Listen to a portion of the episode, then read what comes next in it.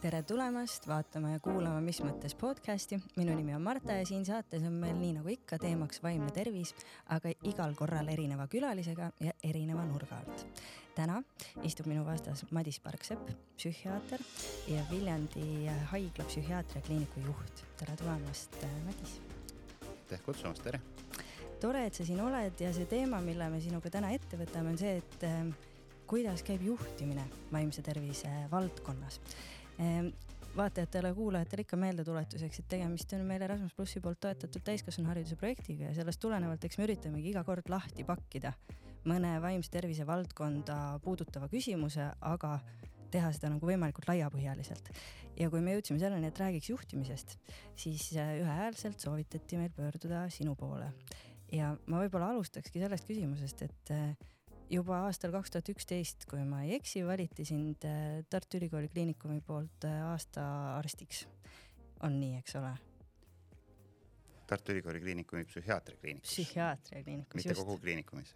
okei okay., aga et äh, sellise hinnatud spetsialistina, mis see üldse on, mis paneb hinnatud spetsialisti tahtma võtta juhi rolli ja vastutust? no eks ikka soov ise midagi, kas siis rohkem või paremini teha, kui eh,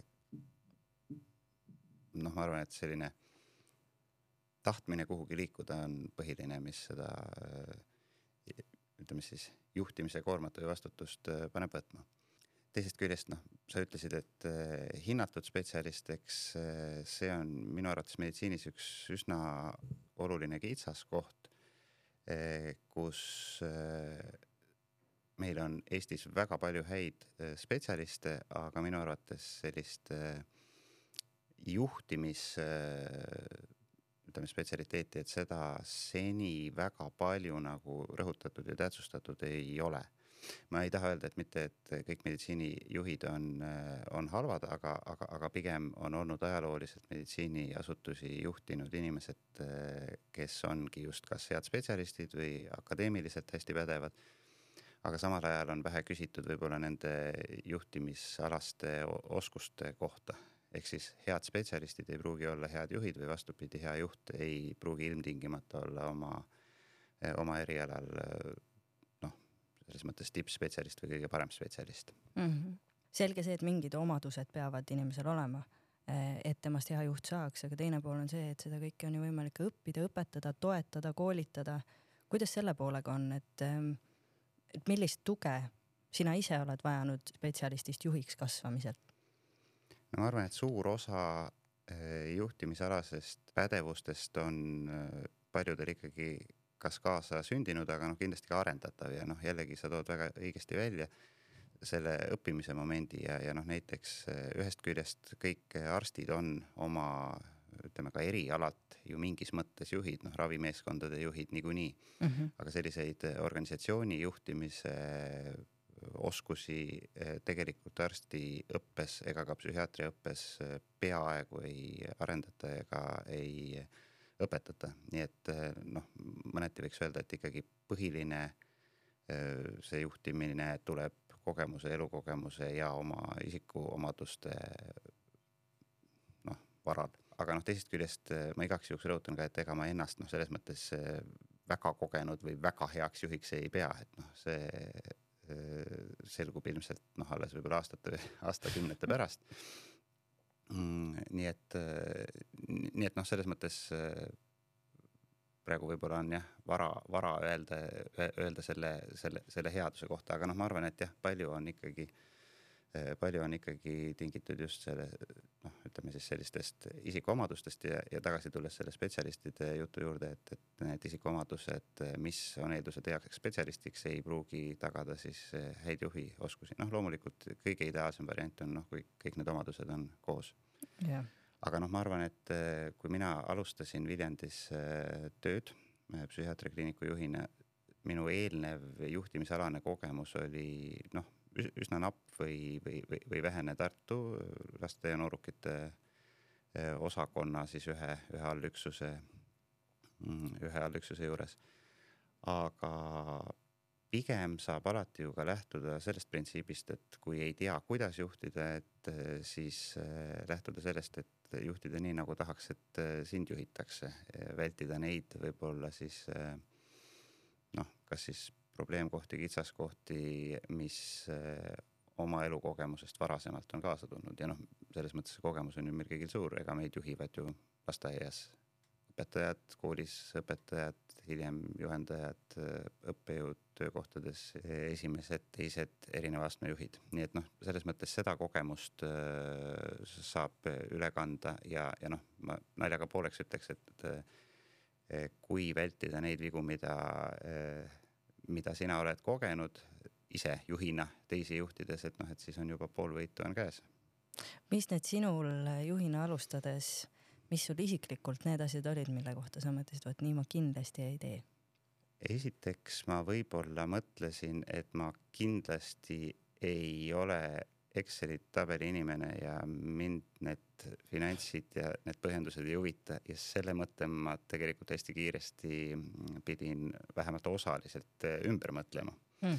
ehk siis minu tegelikult üks hästi esimesi selliseid ähm, kogemusi oli kuidas äh, juhi roll on tegelikult seda noh, on see siis organisatsioon või valdkond äh, hoopis noh, ütleme roll ja kohustus hoopis laiema vaatenurga alt vaadata ja, ja, ja noh, kuna me elame ikkagi, ikkagi sellises maailmas, kus, kus ilma finantsideta ja ei saa, siis noh, ma avastasin siiski mõne kuu pärast, et noh, tegelikult neid tabeleid, Exceli tabeleid tuleb vaadata, tõsi kindlasti noh, minu enda bossid nüüd ütleme Viljandi haigla juhatusest, et, et kindlasti neil, neil oleks oma sõna sekka öelda just selle koha pealt, et ma kindlasti ei ole noh, ideaalne finantside juhtimine, mulle alati tundub see kuidagi, eriti meditsiinis, meditsiinisüsteemis või, või sellises sotsiaalsfääris või tundub see alati noh, mitte primaarne, see on oluline, sellega tuleb, sellega tuleb arvestada, aga, aga, aga see ei saa domineerida, nii et äh,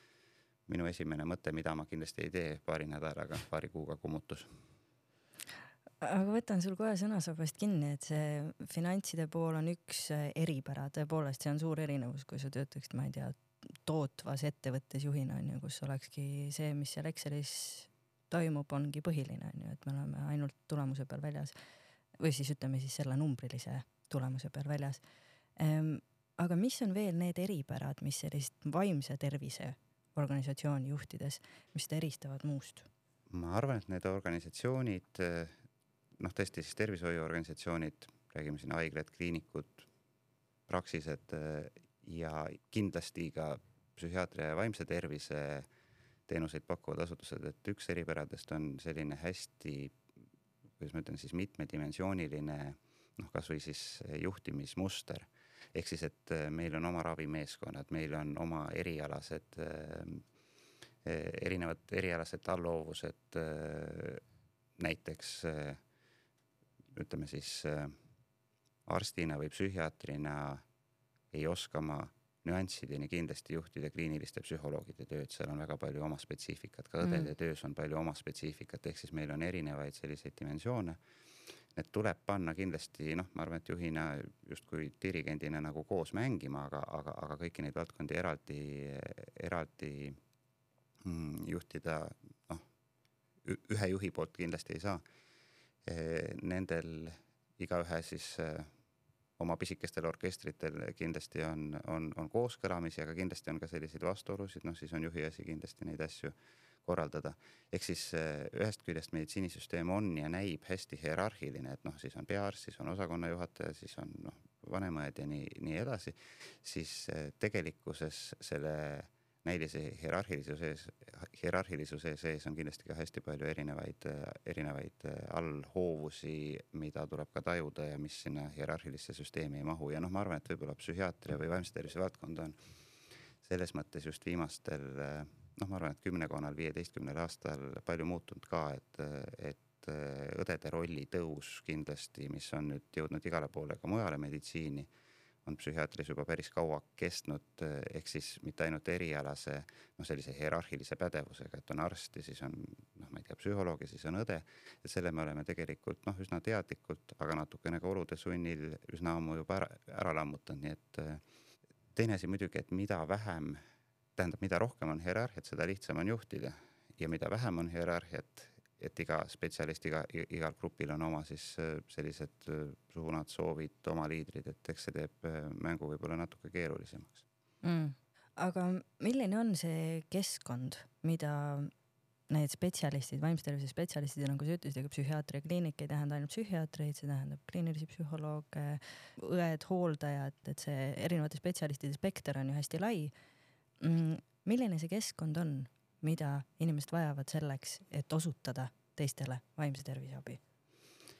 no vot, siin ongi see, ma arvan, et kõige olulisem sul ilusti välja toodud, et juhi asi ongi see keskkond luua selliseks võimalikult äh, toetavaks ja vähe segavaks, et noh, mis on vaimse tervise valdkonnas töötamise kindlasti üks raskuskohti on see, et, et me peaaegu pidevalt ju töötame ainult äh, noh, raskuste negatiivsete emotsioonidega, tuleneb see siis kas äh, noh, bioloogilistest äh, haigustest, psüühikahäiretest, äh, aga ka nendega sageli kaasnevatest konfliktsituatsioonidest, äh, mis tähendab seda, et, et neid raskusi ei tohiks töökeskkonnast nagu lisaks või juurde tulla. ja, ja, ja see ongi siis, ma arvan, et kõikide noh, vaimse tervise valdkonna ja laiemalt kindlasti meditsiinivaldkonna juhtide ülesanne ja roll teenindada mm. oma inimesi ja seda keskkonda neile mugavamaks teha. või alati see mugavus kah ei õnnestu, et noh, selles mõttes juhina rääkida, et, et väga mugav on kahekümne nelja tunnises valves olla, et eh, kindlasti ei, ei, ei saa kõike lõpuni mugavaks teha, küll aga, et selle kahekümne nelja tunnise valve jooksul ei oleks ta koormatud eh, mingisuguste selliste noh, kas siis rollide või ülesannetega, mis lisaressurssi nõuavad mm. -hmm. see kahekümne nelja tunnine valve on eh, väga huvitav, et sa just selle välja tood, sest et kui me rääkisime siinsamas äh, podcast'is unetervisest ja sellest, et kuidas, ma ei tea, öötöö, vahetustega töö ja nii edasi mõjub meie mingi siis unerütmile, seeläbi vaimsele tervisele ja nii edasi. et see on väga huvitav, kui sa tegelikult oledki selles positsioonis, et sul on organisatsioon, kus need kahekümne nelja tunnised, äh, te tegelete vaimse tervisega, kahekümne nelja tunnised vahetused on vajalikud, aga need tegelikult nagu, et sa ju tead, et need ei ole inimeste endi suhtes tegelikult nagu tervislikud Just, on seal justkui selline jah, konflikt seal sees? on äh, vastuolu ja konflikt mm -hmm. ja noh, kuidas seda saab hallata, eks saab ikkagi või noh, tuleb püüda, püüda leida ikkagi, kellele selline töö sobib rohkem ja kellele üldse ei sobi. Äh, noh, siis ei ole mõtet teda ka sinna sundida.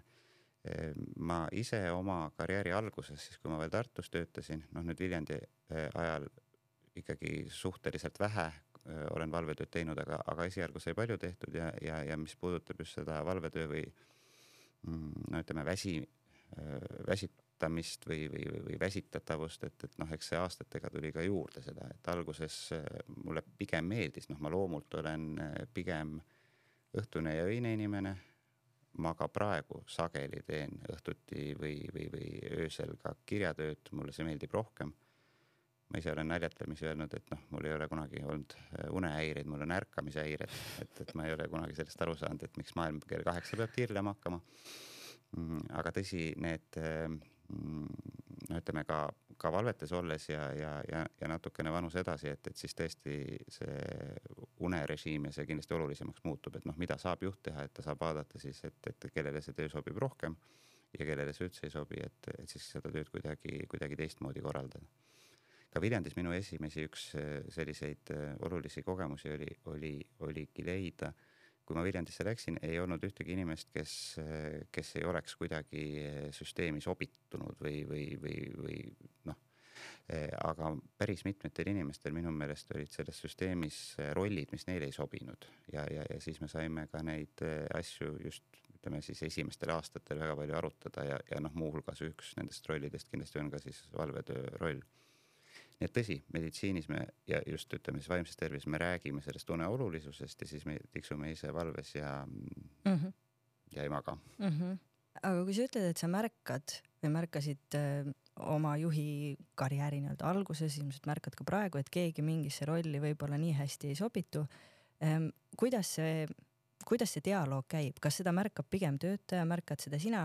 Ja juhul, kui emb-kumb pool midagi tähele paneb, et kuidas siis jõutakse sinna, et aga võib-olla sulle sobiks selles struktuuris mingi natuke teistsugune töökorraldus, teistsugune roll?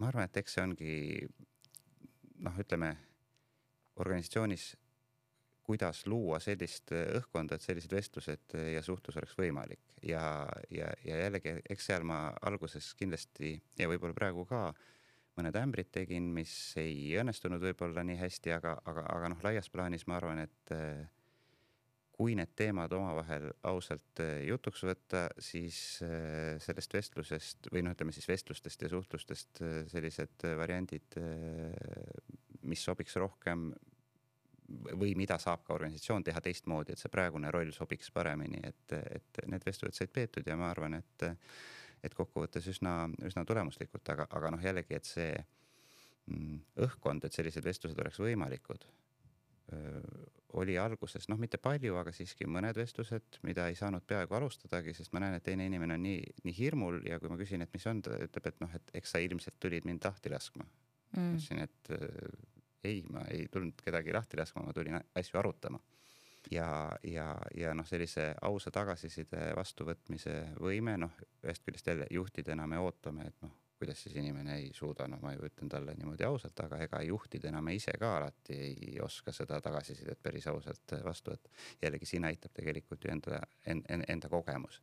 ehk siis kui mina juhiks hakkasin, ega ma siis ei muutunud inimesena, et, et noh, siis ma nüüd olen, ma ei tea, mingisuguse teise kvaliteediga või midagi, mul on ju need kogemused ja mälestused, kuidas, kuidas oli minuga räägitud, mis olid minu hirmud, noh, bossidega rääkimise ees ja, ja, ja noh, enda jälle kogemusest ma võin ka öelda, et pisikesest peale mul endal on selline väike trots alati olnud kõikide ülemuste ja, ja autoriteetide ees.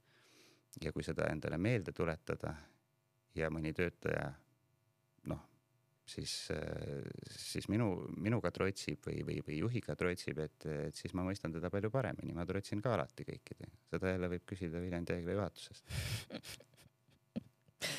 jah, no see on huvitav, et sa just selle hirmu välja tood, sest et minu enda kogemusest nii ise mingeid protsesse juhtides kui olles juhitud, tundubki, et selle spetsialistist juhiks kasvamise juures tihtilugu see murekoht ongi see, et inimesed võib-olla ei taju nii hästi seda positsiooni, et just nimelt, et see inimene, kes sulle koridori peal vastu kõnnib, on ju sinu jaoks ta on, ma ei tea, Kati, aga tema jaoks sina oled see inimene, kellest sõltub tema elatis ja mida suurem see hierarhiline süsteem on, ehk siis mida kaugemal juhina sina temast oled, noh, mida vähem teil on igapäevast kokkupuudet, seda enam ta vaatabki nii, et kui sa minuga rääkima tuled, siis järelikult ainult sellepärast, et nüüd on midagi nagu valesti onju. et see positsioon juba, see enda võimupositsiooni tajumine, et saada aru, et sinu sõnal on hästi suur kaal tundub mulle, et. Ähm, ja see on, hästi oluline. ja see on, ma arvan, hästi oluline ja seal ma oma järgmised ämbrid kindlasti tegin ka ja, ja, ja just sellest aspektist, et äh, juhina, noh, ma kordan, et mina ju ei muutunud, aga kui muutub see roll, siis, äh, siis ütleme juhi mm, sõnu äh, või noh, sõnadel kindlasti on hoopis teistsugune kaal ma olen alati armastanud mõelda niimoodi valjult või, või, või arutanud ja hästi kiiresti ma sain, sain, sain aru, et kui ma mingitel, kas siis koos, koosolekutel või koosolemistel või kuskil noh, osakondi külastades kõvasti mõtlen ja arutlen, siis äh, töötajate ja kolleegide jaoks need mõtted justkui hakkavad elama oma elu mm.. et nende jaoks on see justkui, et juht ütles ju nii. Ja ma tegelikult ei ole veel üldse neid asju läbi mõelnud, vaid ma tõstatasin kõva häälega mingid küsimused ja ja see ei tähenda, et kõvasti ei tohi mõelda, ma arvan, et siiamaani ma mõtlen kõvasti, aga see tähendab, et alati tuleb siis ka tõlkida ja rõhutada, et see ei ole praegu mitte otsus, vaid see on üks võimalik alternatiiv. Ja noh, tegelikult võib-olla veel sealt edasi kõige parem on, kui siis ka teised saab kõvasti, saab kõvasti kaasa mõtlema panna. Aga kui palju sa oma inimestega räägid, kas see on väga struktureeritud, et kui tihti teil on mingid kontaktipunktid, kas inimestel peab olema selge arusaam, et kui neil on mure, kuhu sellega minna? Ehm, või on see niimoodi spontaanne, et ongi peamine on see õhkkond ja siis sa tead, et selle õhkkonna sees, kui kellelgi on mingi probleem, siis ta julgeb seda avaldada või on mingid väga konkreetsed plaanid? no see on ka ajas hästi palju muutunud, et äh, Viljandisse minnes äh, oli pigem minu roll erinevate noh, ütleme siis situatsioonide või olukordade lahendamine. ja, ja, ja esimestel aastatel mulle tundus, et, et see ongi üks selline tuuleveskitega võitlemine, et, et kuskile saab nagu paiga peale õmmeldud ja siis kõrvalt käriseb ja siis paned sinna paiga peale ja siis teisest kohast käriseb mm,. Hiljem see on ikkagi muutunud selliseks äh, noh, ennetavaks ehk siis, äh, ehk siis meil on oma kindlad sellised koosolekuajad või, või või, või kohtumised või, või, või osakondade külastamised, mis noh, mis on regulaarsed ja, ja, ja, ja kus ei peagi käsitlema mingisuguseid äh, murekohti. Näiteks eile hommikul mul oli oma, oma, oma siis osakonnajuhtide ja, ja, ja arstidega oli koosolek ja kogu selle koosoleku vältel ei kerkinud ühtegi murekohta. me rääkisime ainult äh, rõõmsatest asjadest, oli selline nädal. tõsi, võib juba etteruttavalt öelda, et, et lõunast alates äh, siis, siis tuli muresid juurde, aga noh, neid me käsitleme siis edaspidistel koosolekutel. ehk siis äh, on mingi regulaarsusega, aga, aga, aga teisest küljest mulle endale meeldib ikkagi see, et, et äh, kolleegide ja juhtide uksed on lahti ja et, et see toimub äh, ka, kas siis noh, vajaduspõhiselt või spontaanselt, et, et kõik ei ole väga ära ära reglementeeritud, aga, aga kui vastata selle küsimuse alguse, et kui palju, et noh mm, -hmm. ma mhm. arvan, et ma räägin nädalas noh, tööalaseid jutte, sealhulgas muidugi on ka siis ütleme patsientidega töö, aga no ma ei tea, nelikümmend, viiskümmend tundi räägin nädalas nelikümmend, viiskümmend tundi. no ma arvan, et täiskoha ikka räägin mm. -hmm. selle kohta ka kunagi, kunagi mul ähm, kursusekaaslased ja kellega koos õppisime, kui ma psühhiaatrisse alles residentuuri läksin, siis nad ka küsisid mult, et noh, et kas sa noh, et kuidas sa jaksad nii palju rääkida ja kuulata, noh jällegi, eks mulle meeldib rääkida ka, aga ma olen õppinud kuulama, noh, ma mõtlen, et rääkimise all seda, et ma kuulan teisi ka, et mitte mhm. nelikümmend mm -hmm. tundi ma ei räägi ja siis kümme tundi vastatakse. vaid osaled vestluses. ma osalen vestluses mm -hmm. just, täpselt, aga, aga tõsi on see, et, et mingis, mingist hetkest alates ja, ja see hetk oli oli tegelikult isegi juba natukene enne Viljandit, et ma tajusin seda, et, et ma kogu aeg ei jaksa ka suhelda, et seda oma aega võtta ja, ja olla mingil hetkel noh, kas siis vaikuses või midagi lugeda ja, ja selle tõttu ma ka näiteks, kui ma, ma ei tea, käin jooksmas või suusatamas, kui ma selle tegevusega kunagi alustasin, siis mulle meeldis ikka kuulata, ongi kas siis mingeid saateid või, või, või, või siis mingit muusikat kuulata. nüüd mulle meeldib kuulata mitte midagi kuulata, just, just seda vaikust, nii et noh, selles mõttes sellest äh, suhtlemisest äh, peab ka nagu taastuma natuke mm. -hmm. no ma lähen edasi ühe sellise mm, ilmselt kõige valusama teema juurde, ehk siis, et ähm, meie tervishoiusüsteemis on aastaid olnud see mure on ju üleüldse mitte ainult vaimse tervise süsteemis, vaid üldse, et spetsialiste on vähe, ootejärjekorrad on pikad, nii edasi et äh, kunagi oli suur jutt, et kõik arstid lähevad Soome tööle, eks ole, nüüd on meil äh, ikkagi ka see, et sa riikliku asutuse juhina võistled erasektoriga, eks ole, kes pakub ju samamoodi vaimse tervise teenuseid, aga ei tee seda samas määras, nad ei paku erakorralist abi, nad ei paku äh, nagu haiglaravi ja sisuliselt nad osutavad ikkagi teenust täpselt nii kaua, kui inimesel äh, või ütleme siis teenuse ostjal selle jaoks raha jätkub, mis tähendab, et riiklikusse süsteemi tihtilugu jõuavad tegelikult ka äh, nagu raskemad äh, juhtumid. ehk siis, et ühest küljest sul on, tundub, et see töö on potentsiaalselt raskem, mitmekülgsem, nõudlikum, küll aga see kompensatsioon ei pruugi olla, ütleme siis proportsionaalne. saan ma sellest situatsioonist enam-vähem õigesti aru ja kuidas sina juhina vaatad sellele, et see tööjõu hoidmine riiklikus süsteemis oma kliinikus, kuidas sul sellega on? Alustuseks ma tahaks öelda, et hästi laias plaanis üldiselt äh, psühhiaatria valdkonnas või vaimse tervise valdkonnas äh, nii-öelda riiklike raviasutuste ja, ja erasektori noh, ütleme siis noh, ka siis erakliinikud, era, era, eravastuvõtud, et, et see koostöö enamasti toimib suhteliselt okeilt. Mm.. ja tegelikult ka päris paljud noh, nii-öelda noh, eraet-, ettevõtted, era, era, väiksed, väiksemad erakliinikud, et, et ka paljud, paljud neist ikkagi panustavad tegelikult ka Tervisekassa rahastatavas, rahastatavas see süsteemi ja, ja, ja, ja abistavad ka seal. aga, aga noh, tõsi, mõned sellised sinu toodud kitsaskohad on, on, on, on ka õiged. ehk siis noh, miks mulle on meeldinud varasemalt Tartus, nüüd Viljandis töötada just suuremas süsteemis ongi see võimalus äh, abi mitmekesisuseks, et noh, ma ei pea kaaluma, ma ei ole kinni ainult äh, selle ühe noh, ma ei tea, haigus, haigusjuhu eelarves, ma saan kasutada noh, uuringu võimalusi ja, ja, ja see selles mõttes on mm, noh, kuidagi minu jaoks olnud motiveeriv ja noh, ma arvan, et siit jõuabki ka edasi, et, et see, kuidas inimesi motiveerida mingis organisatsioonis või süsteemis töötama, noh kindlasti on selle üks oluline koht on raha või palgad.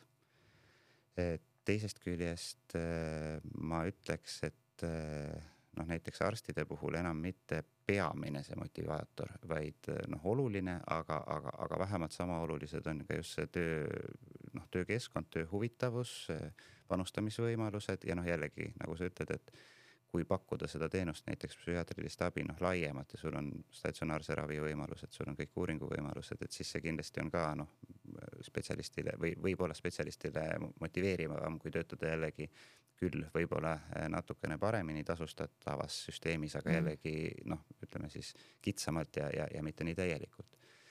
ja mida ma ka hästi Viljandis alguses nägin või, või noh, ütleme olin siis sunnitud nägema, sest et eh, täpselt sellesse aega jäi ka, jäi ka siis põlvkondade vahetus seal näiteks arstidel, psühholoogidel, eh, kus, kus osad olid noh, juba läinud ära, osad olid, olid minemas ära. Ja, ja, ja siis uute spetsialistidega suheldes noh, hästi kiiresti tundus nende jaoks pigem või kõige olulisem see paindlikkus või, või võimalus oma tööd ise korraldada ja, ja mind öö, noh, pani hästi ka imestama noh, see senine suhtumine ja see oli kusjuures üks nendest, nendest noh, probleemidest, mis mul endal töötajana tekkisid, et, et noh, miks me tippspetsialistile peame ütlema ette täpselt geograafilise punkti, kus ta peab näiteks oma kirjatööd tegema või midagi, et ta tahab ise korraldada. noh, ilmselgelt meditsiinis ei ei saa päris kõike ise korraldada, seesama mm -hmm. noh, valve kakskümmend neli, et, et, et seda ei saa teha kodust või kaugtööna, aga, aga noh, näiteks arstitöös väga olulisel kohal kirjatöö, kirjandusega tutvumine, noh, mõtlemine, ma isegi olen öelnud, et noh, mis on arsti kõige tähtsam töö on mõtlemine, mitte rääkimine, mitte kirjutamine, mitte, mitte mingite protseduuride tegemine, vaid mõtlemine. aga, aga mõtlemist ja kirjatööd ja paljusid asju saab teha mujal, et selleks ei pea sõitma, noh, ma ei tea, siis Viljandisse või Tartusse. ja, ja, ja teisest küljest see ajalises mõttes, et noh, miks me peaksime spetsialistile ette kirjutama ne, selle ajavahemiku, mis ta peaks kohapeal olema. noh, kui keegi mulle ütleks, et sina pead olema mingis punktis kella, ma ei tea, kaheksast neljani, siis ta saavutaks selle, et ma olen ja kui ma olen selleks mis iganes põhjusel motiveeritud, et siis ma olen kaheksast neljani selles punktis ja teen täpselt nii minimaalse, kui on võimalik mm. -hmm. kui sa ütled, et äh, sinu roll on korraldada äh, noh, mis iganes mingi süsteemi või, või, või ma ei tea, ambulatoorse abi äh, kättesaadavus ja kus sa seda teed, mis ajal sa seda teed ja kuidas, siis, siis see mind ennast vähemalt ja nagu selgus ka päris paljusid ähm, kolleege inspireerib oluliselt rohkem. Eh, nii et kui sellest kaugtööst noh, räägitakse praegu selle koroona võtmes palju rohkem kusjuures nüüd post-koroonas räägitakse jälle ka, et kõik kaugtöölised ei taha kaugtööl, vaid tahavad vahel ikkagi mm -hmm. tööl ka käia. aga meie tegelikult Viljandi haigla psühhiaatrikliinikus alustasime selliste kaugtöö variantide ja võimalustega nii palju, kui see siis meditsiinisüsteemis paindlikuna võimalik on, tegelikult kaks tuhat seitseteist sügis, kaks tuhat kaheksateist alguses. ja ma mäletan ka toonaseid äh, seal oli finantsteenistusest ja, ja, ja, ja ka mõned vanemad kolleegid, kes küsisid, noh, mis mõttes, et sa ei sunni arste olema koha peal, et kus sa tead siis, et kus nad on ja kus nad tööd teevad ja, enne Covidit ma, ma kujutan ette, et just, see võis olla tõesti äärmiselt. ja, ja, ja, ja see oli ja ma mäletan, et ja siis oli seal üks, üks personalispetsialist oli ka, kes, kes arutas just, et aga kuidas me siis töölepingusse paneme, et kus, kus, kus ta siis on või, või, või, või kuidas.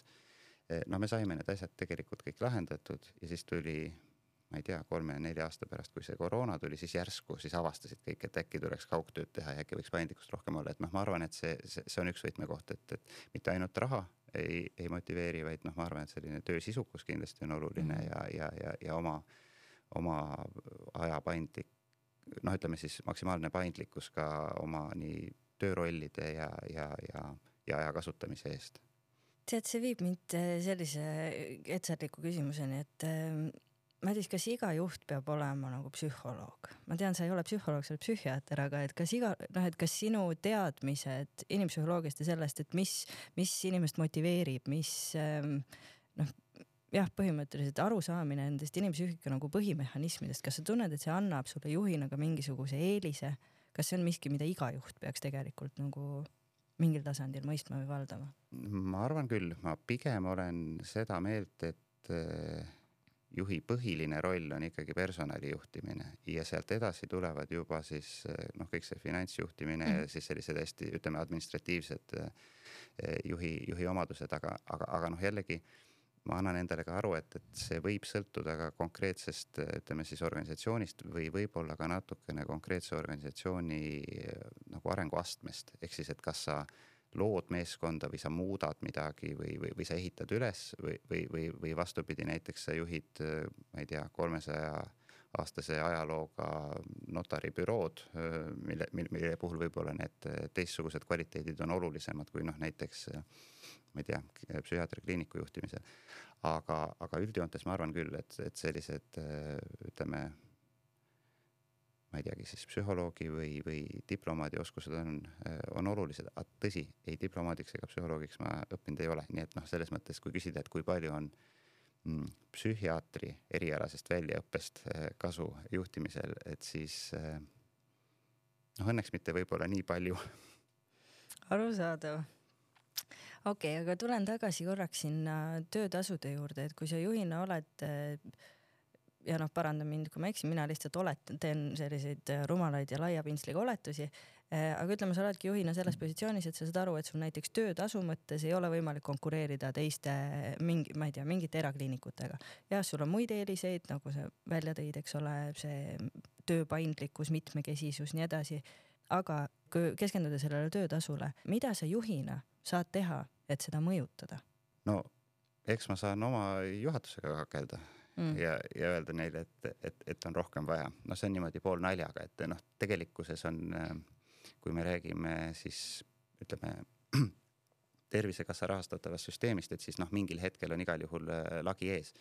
et äh, noh, kindlasti, mida saab teha, on, on äh, noh, vaadata, kuidas ma ütlen siis, et jällegi Suure Haigla pluss, et ühe või teise valdkonna arvelt siis, siis tasustada mingit muud tegevust. noh, ütleme niimoodi, et psühhiaatriakliinikus on päris palju selliseid valdkondi, et kui mul oleks kitsalt ainult oma ärihuvidest lähtuv ütleme siis asutus või ettevõte, et siis ma need teenuseosad paneksin kinni, noh näiteks. mis need on? no näiteks seesama kahekümne nelja tunnine valveteenus, mis mm, -hmm. mis on tõsi, osaliselt Tervisekassa poolt tasustatud, aga, aga, aga noh, ütleme, et kui ma oleksin erameditsiinis, noh, ja see on ka küsimus. ja sellepärast seda erameditsiinis ei ole. jah, et miks seda ei pakuta, mhm. sellepärast et ta on kahjumiga teenus jah. aga, aga teisest küljest tuleb aru saada, et ilma selle teenuseta mingisugust teist või kolmast, kolmandat asja ei saa noh teha ja osutada ja, ja, ja siis sinna raha tulebki leida. Aga mis nüüd konkreetselt äh, palku puudutab, et, et, et siin peab olema jällegi juht selles mõttes töötajatega aus ja, ja, ja ka koos läbi arutama, et, et noh, kust see raha tuleb, mis need võimalused ja variandid on. et äh, noh, lõpuks ju töötaja teebki kah otsuse, et kas ta seda aktsepteerib, neid võimalusi või, või, või mitte ma mäletan, oli ka üks ühe, kolleegiga just sinna Viljandisse mineku alguses oli juttu, kes tuli minu juurde, ütles, et noh, tema tahaks saada vot selle summa ja kui me hakkasime arutama, et, et minul ei ole selle summa vastu või selle palga vastu midagi, aga, aga hakkasime koos arutama ja, ja, ja vaatama, et noh, et mida selleks tuleks teha. noh mm -hmm. jällegi tingimusel, et me töötame Tervisekassa mm, noh, ütleme siis rahastatavatel jah mm -hmm. vahenditega siis ta vaatas neid arvutusi ja siis me arutasime, siis ta ütles, et ah ei, tead, Madis, las ta olla, et tegelikult on okei. okay,, nii et noh, jällegi, kui, kui, kui inimene eh, noh, mõistab ja, ja, ja tõesti see juhi poolt eh, ja noh, laiemalt ega juhtimine ei ole ainult juhi enda isik, vaid, vaid organisatsiooni, ütleme siis, mõistab seda juhtimist ja saab aru ka nendest eh, rahalistest võimalustest, et, et siis see kindlasti aitab tema otsust ka teha. sest noh, olgem ausad, töötajana ja noh, ega ma olen ka töötaja mm, -hmm. nagu ma ütlesin, mul on oma, omad bossid, kes mulle palka maksavad ja kes töötajana ju alati noh et, et mis hetkel on see palk siis õiglane või, või, või noh, seda enam, et, et kogu ju elu kipub kogu aeg kallimaks kappama. lisaks minu meelest on veel oluline ka see, et eh, kui me rääkisime, et tööaja suhtes paindlikkust ja noh, jällegi, et see ei ole selline noh, kõikehõlmav mm. -hmm paraku on meditsiinis asju, mida tuleb teha mingis kindlas kohas, kindlal viisil ja kindlal, kindlal ajal ehk siis me räägime eelkõige just sellisest tööosast, mis noh, mi, mi, mida on võimalik teha kuskil mujal, siis enamasti inimene seda eelistab või, või noh, inimesel on siis oma kindlad, kindlad eelistused. aga teine, mis puudutab just kah palka, on, on ka igipõline küsimus, et noh, et kas võiks inimene või arst noh, töötada ka mitmes kohas, noh näiteks Aa tahaks palka saada rohkem, kas ma võin natukene eras töötada. ja, ja minu sest selliseid kombinatsioone teha, seda on ju väga ja, palju on, tegelikult. ja see on väga, väga, väga mm -hmm. tavapärane, ühest küljest, eks see on ka loogiline ju, kui me oleme noh, pidevas sellises ressursipuuduses, siis äh, need väljaõppinud spetsialistid, kes meil Eestis on, no psühhiaatrid, psühholoogid, vaimse tervise õed on, on ju ka loogiline, et nad äh, ütleme siis maksimaalset rakendust äh, leiaksid ma arvan, et äh, spetsialistid, äh, vaimse tervise spetsialistid on piisavalt pädevad hindamaks noh, ütleme oma neid võimeid ja võimalusi ja, ja, ja, ja ressursse mitmes mm. kohas näiteks töötada. aga noh, mina omalt poolt kindlasti ei ole ka kellelegi administratiivselt mingisuguseid takistusi teinud ja mulle tundub, et noh, rääkides ka nende töötajatega, kellel on tehtud, mulle tundub, et, et, et see on ka üks üks selline asi, mida sageli inimene tajub ja mina ka tajuksin, ma kui eh, noh, ütleme siis tööandja sellise ebaõiglase survestamisena, et, et kui mul ei lubataks kuskil mujal töötada. nii et noh, väga paljud meist eh, vaimse tervise spetsialistidest ikka mitmes kohas töötavad, noh, mina ise ka, tõsi, hästi küll pisikese koormusega, aga, aga olen ju lastepsühhiaatri õppejõud eh, Tartu Ülikoolis. ja, ja, ja noh, teine võib-olla selline noh, lisa või, või, või täiendav töö tööalased tegevused on siis kohtupsühhiaatrilised ekspertiisid. Mm.. et noh, mõnes mõttes ma ütlekski, et võib-olla mitmetes erinevates kohtades töötamine jällegi noh, muidugi tingimusel, et, et ennast üle ei tööta, et, et see pakub ka jälle sellist töötajale ka sellist vaheldust, et mitte küsimus alati ei ole äh, rahaline võit, et töötan natuke haiglas ja natukene noh, näiteks tõesti siis äh, kõrgemini tasustatavates äh, erakliinikutes, aga, aga, aga pigem see vaheldus võib-olla ka. Mm. -hmm aga lähme korra selle ületöötamise sõnasabast võtan kinni, lähme korraks ähm, just nimelt selle juurde, et see noh, töö iseloom, nagu sa ütlesid, on ju tege-, et tegeletakse ju väga palju ikkagi väga negatiivsete asjadega, te tegelete kogu aeg probleemide lahendamisega, ütleme siis nii. ja, ja paratamatult nagu tervishoius ikka, et ega probleemidele pole kiiret lahendust ja mõnele probleemile pole üldse lahendust, vaid neid on lihtsalt võimalik kuidagi nagu hallata, eks et see töö oma iseloomu poolest on niivõrd äh, nõudlik ka psühholoogiliselt onju, et ähm, mida sa näed, millist ähm, nagu vaimse tervise tuge vajavad vaimse tervise spetsialistid selleks, et seda tööd hästi teha? noh, ma arvan, et äh, häid kolleege Äh, häid ütleme juhendajaid, kui me räägime noh, ka väljaõppeprotsessist äh, ja, ja, ja, ja häid juhte ka, kes, kes siis märkaks, kui, kui spetsialistil raske on. ehk siis äh, alati alati, isegi kui me oleme vaimse tervise spetsialistid, siis kõige keerulisem on noh ennast ja, ja noh, tegelikult muidugi ka oma lähedasi mm -hmm. märgata, et noh, see on ka, et, et miks reeglina arstid ei ravi ennast või psühhiaatrid ei ravi ennast või oma lähedasi, ongi just seetõttu, et, et kui sa oled nende situatsioonidega vahetult ja emotsionaalselt äh, seotud, siis äh, noh, siis see otsustusvõime kannatab, et, et, et selle jaoks on vaja ikkagi kõrvalseisja, kõrvalseisja pilku. ja, ja noh, jällegi selle jaoks omakorda on äh, vaja, et me ka juhtidena suudaksime võtta ise või noh, ütleme seda tagasisidet ja ka töötajad, et oleks harjumuspärane seda tagasisidet saada, et, et kui, kui ma ütlen, et kuule, et äkki sa oled noh väsinud, et, et sa näid nagu morn, et selle peale ei solvutakse ja öeldakse, et et mis mul siis jälle häda on, vaid et kuulatakse ära, et, et mis selle taga on. nii et noh, ma arvan, et see on see, mis. Ähm, et see oleks nagu, et seda tajutaks hoole, mitte etteheitena on ju. just mm., just ja, ja noh, eks see on natukene noh, nagu peredes ka just, et kuna ma põhiliselt ju kliinilist tööd teen, teen noorukitega või, või ka teismelistega, et, et noh, neile anda tagasisidet on, on üsna keeruline ja kes seda on teinud selle puhul ma alati soovitan meenutada oma teismeiga ja neid keerukusi, et kuidas seda tagasisidet anda.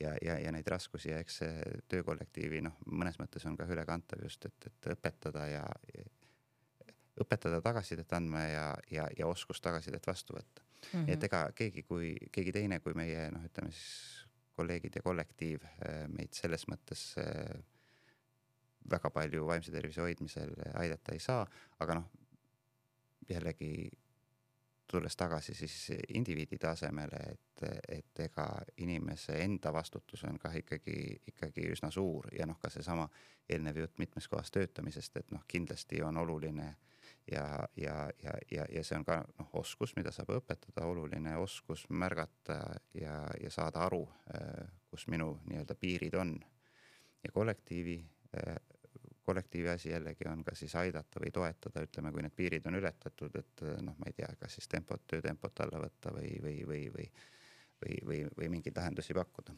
aga kui palju sa oled reaalselt sellise läbipõlemisega kokku puutunud, kui palju sa sellele tähelepanu pöörad? oi, ma arvan, et ma olen ikka päris mitu korda läbi põlenud ise, noh, mitte nüüd äh, niimoodi ereda leegi, leegiga kuni päris põhjani, aga niimoodi poolnaljaga võib öelda, et iga järgmine kord läheb äh, lihtsamaks. Äh, miks lihtsamaks, äh, ilmselt läbipõlemine ise ei lähe lihtsamaks, aga, aga just see äratundmine, et mm. millal see protsess pihta hakkab ja, ja. ja nii, et, et olen noh, nii, nii vahetult ise jah, seda kogenud, aga, aga ka näiteks oma juhendatavate puhul seda, seda märganud, et, et noh, see see on jälle see koht, kus me võib-olla kolleegidena mõnes mõttes eh, peame panema ennast eh, võib-olla tõesti ka siis eh, arsti või rolli või, või, või noh, see on see koht võib-olla tõesti, kus ka psühhiaatrialastest eriteadmistest on nagu organisatsioonis töötamisel kasu. No ma igaks juhuks rõhutan, et ma ei taha väita, et ma võtan oma kolleege ja töötajaid kui patsiente et rollid on natukene teised, kuigi noh, teisest küljest jälle võib öelda, et noh, paljud kolleegid ja, ja, ja, ja, ja ma ju ise ka mingites kontekstides olen ju ka patsient, nii et noh, jällegi os oskus nende rollide vahel vahet teha ja, ja vajadusel neid rolle vahetada, ma arvan ka see on üks selline oluline juhi oskus mm. -hmm. Aga vaimse tervisega tegelevas organisatsioonis ähm, noh, kõik ei ole otseselt vaimse tervise spetsialistid, äh, ma ei tea, ütleme, et sul ongi äh, näiteks keegi hooldaja ähm,, kes samamoodi vahetustega tööd, läbipõlemise oht, on, abistavad elukutsed on ju alati nagu rohkem ohustatud sellest, et tehakse suure hoolimisega oma tööd, seal on ka töötasud alati madalamad. et kas vaimse tervisega tegelevas organisatsioonis on inimeste üldine selline vaimse tervise kirjaoskus, see, mida me täna nimetame nüüd Äh, tänu peaasjade kampaaniale vaimse tervise vitamiinid, eks, et see teadlikkus järjest tõuseb sellest, et mis on see abc selleks, et ennast üldse hoida. kas äh, sinu organisatsioonis on see nagu iseenesest juba kõrgem kui võib-olla mingis muus kollektiivis või kas see selline teadmine liigub organisatsiooni sees ka? ma usun küll, noh, selles mõttes, mida me saame teha, on ikkagi ju õpetada ja koolitada ja mm., ja mulle tundub, et, et praeguseks võib-olla vaimse tervise mm, valdkonnas see periood, kus tõesti oli see kaadrivoolavus oli hästi suur ja, ja äraminek oli hästi noh, tõesti, kes välismaale ja kes, kes mujale valdkondadesse, et see oli noh, igapäevane, et see on tegelikult natukene ikkagi pidurdunud. mis tähendab seda, et, et see teadmine ja need koolitused, et need hakkavad ka organisatsioonidesse kumuleeruma ja, ja, ja, ja, ja kindlasti selle mm, valdkonna noh, ütleme siis koolitusi ja, ja, ja teadlikkuse tõstmist meie või noh, ma arvan, et kõikides vaimse tervisega äh, Äh, vaimsesse tervisesse panustavates organisatsioonides võrreldes keskmisega kindlasti, kindlasti on rohkem. Mm, kas see olukord on noh, ideaalne, et kindlasti ei ole ja, ja, ja ütleme noh, üks oluline ressurss ja ma ei mõtle ka mitte just rahalist, vaid pigem just ajalist ressurssi ongi tegelikult ka noh, ütleme liituvate või uute spetsialistide väljaõpetamine just, just nendel, kellel võib-olla need eelnevad väljaõpped või noh, kes ei ole saanud noh, ütleme sellekohast spetsia-, spetsiifilist haridust mm. -hmm. et, et, et see võtab tegelikult üsna, üsna pikalt aega ja, ja noh, mõnes mõttes jällegi ka ega töö vaimse tervise muredega inimestega, ega see kõigile ka ei sobi ja, ja noh, samamoodi noh, ütleme noh, minul ei, loomuomaselt ma arvan, et ma oleks väga halb kirurg, et ma olen kärsitu ja koba, mulle see ei sobi ja vastupidi jälle võib-olla mõnele teisele ei sobi vaimse tervise töö, et noh, see on jälle ka aga kellele ei sobi töö vaimse tervisega? mulle meenub kunagi ühelt koolituselt üks väga-väga vahva mm, ütleme siis tervishoiuspetsialist jah, kes mõtles ja tahtis tegelikult tulla tööle vaimse tervise valdkonda, aga varasemalt oli ta töötanud erakorralises meditsiinis ja kiirabis ja noh, nii-öelda siis noh, sellises somaatilises või kehalises mhm. meditsiinis mm -hmm. jah. ja, ja tema oli ja siis ta kuulas ära, noh, seal olid sellised juhtumi arutelud ja siis ta kuulas ära ja siis ta küsis, et kuule, mitu minutit läheb selle korda tegemiseks? mitu minutit, et selleks läheb, noh, ma ei tea, nädalaid või kuid. Mis sa tahad öelda, et ma pean ta tagasi kutsuma? ma ütlesin, et ikka sa kutsud ja arutad ja niimoodi. seda ei saa teha poole tunniga korda. ma ütlesin, et seda ei saa. noh, ma arvan, et võib-olla sellise kärsituse astmega äh, inimestele tegelikult noh, ei sobi, et ehk siis see ütleme, vaimse tervise võib-olla mm, spetsialisti üks eeldus kind-, noh, kindlasti jah, empaatiavõime ja, ja, ja oskus kuulata, aga omamoodi ikkagi ka selline kannatlikkust peab olema päris palju ja, ja, ja need mured ja need enamasti ei ole noh, ühehetkeliselt või, või, või, või, või, või kiires, kiires võtmes lahendatavad, et võib-olla seda kannatlikkust jah, peab rohkem olema mm. -hmm et psühhiaatriakliiniku juhina ja sellise Tervisekassa poolt rahastatud organisatsiooni juhina sa oled ka üks vahelüli on ju, et eh, nagu sa ütled, ka sina oled palgatööline, sul on oma juhatus. Aga et sul on need koostööpartnerid, olgu need siis erakliinikute näol, olgu see siis riigistruktuuride näol. et eh, millisena sa näed oma rolli selleks, et enda asutust või organisatsiooni nagu vahendada olgu see riigi tasandil, olgu see meedias, mis iganes? no ma arvan, et see just nagu sa ütlesid, see vahendustöö, et see on üsna suur ja oluline noh, osa minu ütleme siis igapäevasest tööst. ühest küljest äh, on minu roll võib-olla siis nendel erinevatel osapooltel olla see vahendaja või tõlk või, või, või, või panna rääkima noh, ütleme mida mõeldakse meditsiinis ja kui ma lähen selle jutuga sotsiaalsüsteemi, siis ma pean olema noh, suutma selle nende jaoks noh, arusaadavaks rääkida, et noh, sellise vahendaja ja tõlkija roll on kindlasti olemas. noh, minu puhul muidugi võib-olla veel üks selline dimensioon, mis juurde tuleb, on, et ma olen ju ka psühhiaatrite seltsi juhatuses, mis tähendab, et mingitel hetkedel öö, pean ma ka ja, ja noh, mitte ainult mina, vaid kõik need äh, seltsi juhatuse liikmed peavad ka selgelt eristama äh, seda rolli, et nendel koosolekutel ja nendel kohtumistel ei esinda ma mitte Viljandi haigla psühhiaatriakliinikut, vaid seal on mm. minu roll äh, püüda noh, edendada või siis arendada või siis abistada Eesti psühhiaatrit laiemalt. ja, ja, ja nendel, nendel koosolekutel noh ütleme, tuleb siis eristada seda mm, oma põhi, põhi, põhitööandja rolli, aga noh, me oleme need rollid läbi rääkinud ja, ja, ja jällegi, et oma, ka oma Viljandi haigla bossidele on see, on, on see teada, et, et kui me ajame seltsi asju, et siis äh, seltsi asjad, noh, enamik seltsi asju erialaseltsi asju ei ole ju tegelikult vastuolus äh, tervishoiu või noh, ütleme raviasutustega. küsida, et aga et kus see rollikonflikt nagu tekkida võib? Sest teoorias ma olen täiesti kindel, et mida iganes teete Viljandi haiglaga nagu, et see on ju kõik, kõik no, on eri, ju püüe edendada. erialaseltsis on võimalik ju käia kus iganes lobistamas ja rääkimas, kuidas mingeid asju tehakse, ma ei tea, Viljandis või Tartus või Tallinnas Aha. paremini ja, ja, ja seda tulebki, tulebki tajuda, et, et kui selle lobistamise tagajärjeks on see, et Eesti inimesed saavad paremat psühhiaatrilist abi noh, siis oleks see võib-olla mõeldav, aga, aga selle taga noh, läbi selle mingisuguseid äh, ärilisi edusid või võite saada, noh siis see ei ole okei okay.. psühhiaatrite seltsiga muidugi on selles mõttes, seltsi juhatusega on selles mõttes juba ajalooliselt ja traditsiooniliselt üsna hästi, et noh, meie kandepind on hästi lai, et äh, seal juhatuses ei ole kunagi esindatud ainult noh, ma ei tea, üks või kaks või põhilist mm -hmm. organisatsiooni et seal on üheksa liiget, need on hästi, meil on eri, noh, kõik Eesti suuremad äh, psühhiaatriakliinikud, erameditsiini, mitmed asutused on esindatud, nii et noh, selles mõttes see kindlasti natukene nagu, natukene nagu äh,, kuidas ma ütlen puhverdab või, või, või ei lase siis sellisel mm, liigsel lobistamisel tekkida. noh jällegi, et enamasti meie raviasutuste huvid eh, ja soovid on aidata patsienti, nii et noh, selles mõttes meie noh, meie, meie, meie eesmärgid on sarnased, et mm -hmm. vastuolusid on noh, vastuolud ei ole väga sagedased. noh, teisest küljest jällegi peab ütlema, et tegelikult ju kõik tervishoiuasutused töötavad Tervisekassa rahastataval no maastikul ja see rahastus mingisuguse valdkonna või, või, või eriala kohta on ju noh, mingi kindel summa, selle raha jagamine või siis teki sikutamine võib vähemalt hüpoteetiliselt olla üsna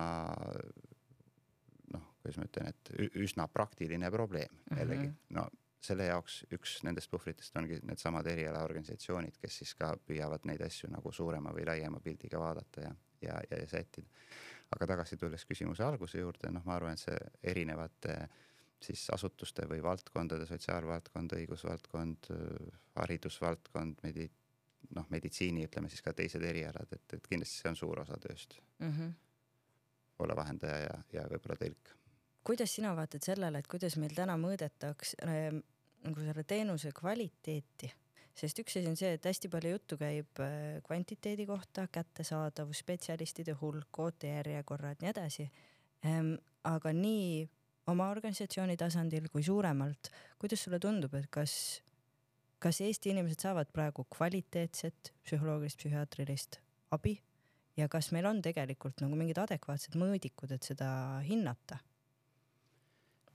Ma arvan, et Eesti inimesed saavad päris head ja kvaliteetset abi ja Eesti spetsialist, Eestis töötavad spetsialistid on päris hea väljaõppega.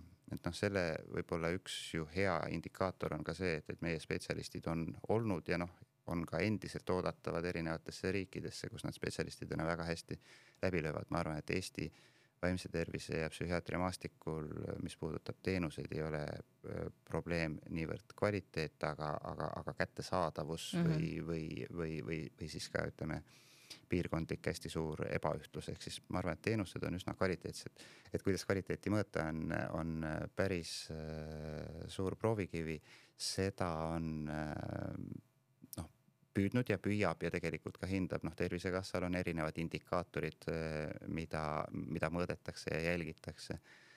Eh, seda eh, erinevate siis raviasutuste noh, siseselt on oma mingid, kas siis kvaliteediindikaatorid või, või mis teie indikaatorid on, kuidas sina juhina hindad, et su organisatsioonis tehakse head tööd? mina arvan, et igapäevases praktilises töös on minul kaks äh, aspekti kvaliteedi hindamiseks, et äh, organisatsiooni kvaliteedi hindamise põhiline aspekt on see, et, et kas mina ise pärast seda, kui ma enam juht ei ole, tahaksin selles organisatsioonis töötada. ja ravikvaliteedi hindamises, äh, kas mina soovitaksin oma kõige lähedasematele inimestele siiasamma kliinikusse teenust saama äh, tulla mm. -hmm. et need on praktilised ja hästi töötavad kui me räägime sellistest äh, ravi, raviindikaatoritest, siis siin tuleb aru saada, et, et, et äh, need indikaatorid on kaudsed. Äh, inimesed reeglina ei oska hinnata teenuste sisulist kvaliteeti, nad hindavad just sedasama kättesaadavuse aspekti, seda suhtluse aspekti ja, ja ma arvan, et, et, et, et, et see ongi okei. Okay.. et selle baaskvaliteedi, ma arvan, Eestis Tartu Ülikooli arstiteaduskond või, või siis psühholoogide väljaõpetamise süsteem tervishoiu kõrgkoolide õdede õpetamisel, et noh, ma arvan, et nad selle baaskvaliteedi tagavad päris hästi aga, aga, aga seda mõõta kuidagi, ütleme siis patsiendi tasandilt tegelikult ei saa ja, ja isegi arstina, et ega kui ma lähen näiteks ortopeedi või, või, või, või hambaarsti juurde, ma oskan hinnata seda, kas see tegevus oli mulle arusaadav, kas mm -hmm. noh, kas mu vaevused vähenesid, aga et noh, et kas see oli kõige optimaalsem meetod minu hamba väljasikutamiseks või oleks olnud mõni moodsam meetod, et ma seda tegelikkuses ju, ju, ju, ju hinnata ei oska.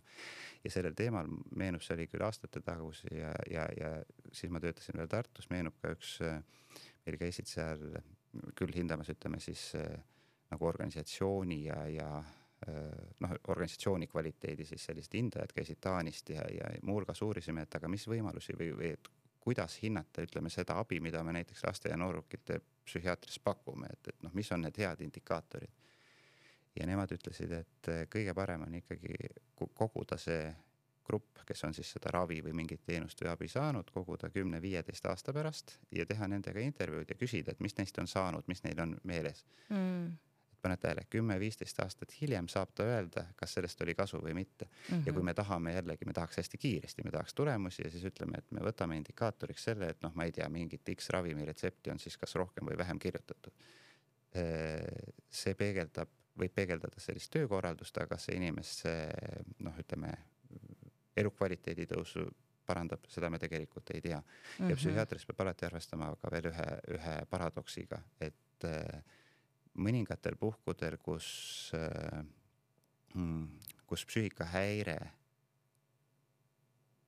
otsustab inimese eest ja, ja nendel hetkedel ei pruugi inim- ja, ja, ja ka vahetult pärast ei pruugi inimese enda hinnang sellele, et, et mis temaga toimus või tehti, eh, peegeldada tegelikult abi kvaliteeti. noh, võtame näiteks inimene, kes on raskes depressioonis, ta on õnnetu, ta ei taha enam oma eluga kuhugi edasi minna ja siis hakkab abiandja, kes kõrvalt hindab objektiivselt, et, et seda olukorda on võimalik lahendada, hakkab teda siis noh, ravima inimene ütleb, et tema tahtevastaselt äh, toimetati, et tema ei taha mingisuguseid ravisid ja mingisuguseid abisid, laske tal olla ja hääbuda.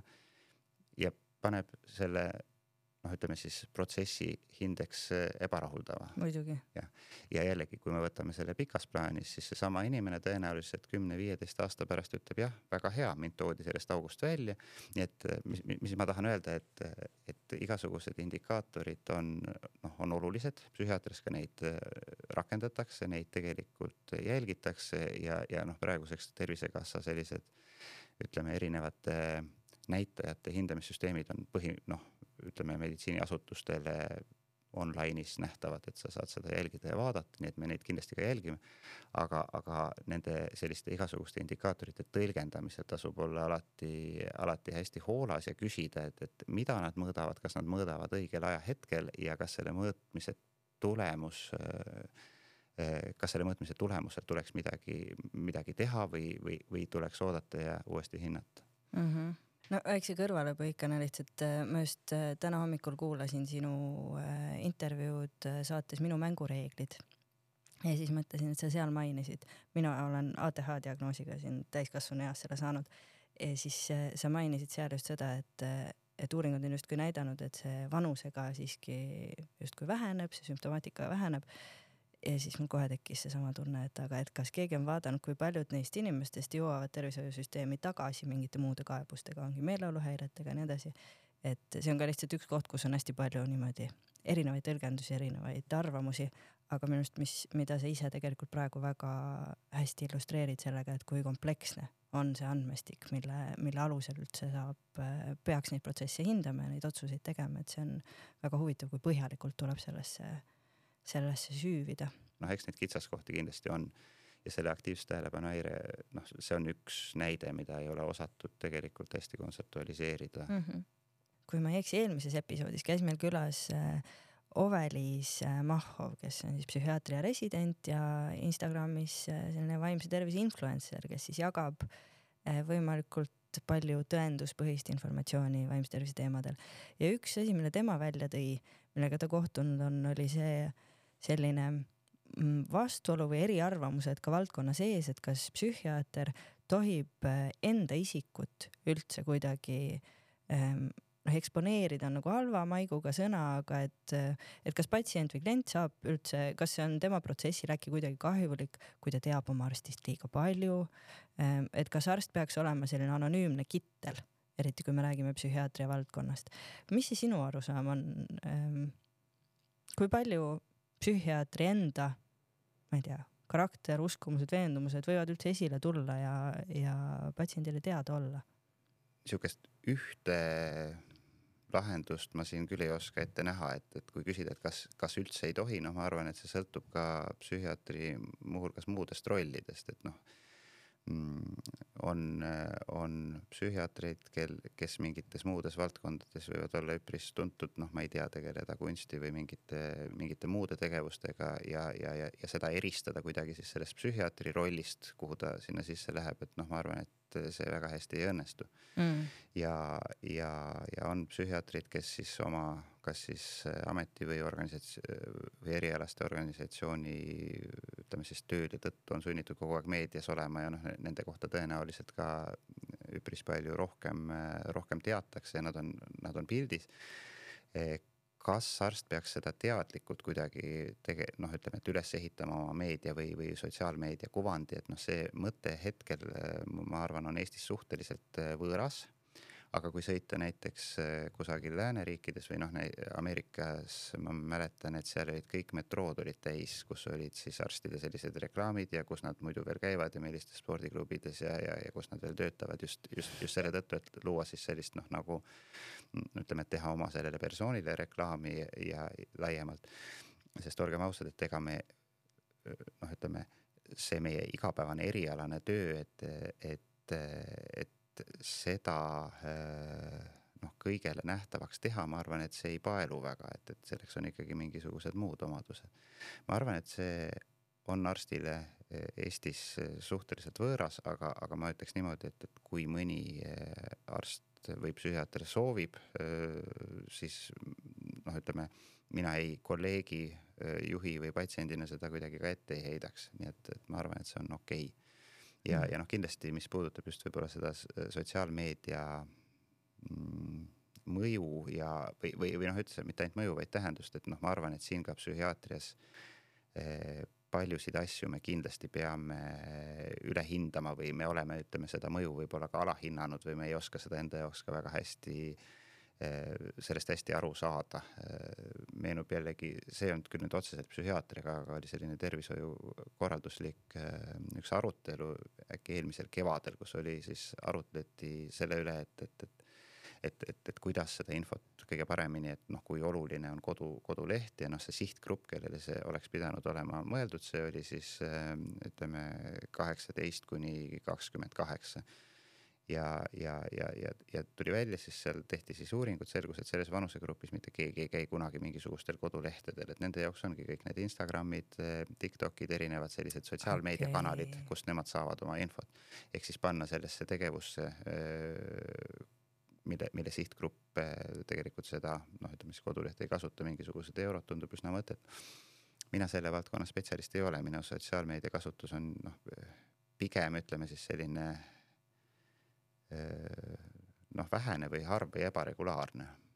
aga noh, ma tean vähemalt mu patsiendid ja, ja, ja lapsed ikkagi räägivad, et kus, kus elu käib mm. -hmm see tuletab mulle meelde lihtsalt kõrvalpõikena ühte äh, sinu tsitaati ühest äh, varasemast intervjuust, kus äh, ma mäletan, sult küsiti, et kas äh, noh, et kas see, see vaimse tervise abi kättesaadavuse nagu keerukus on üheks põhjuseks, miks meil on nii palju psühholoogilisi probleeme.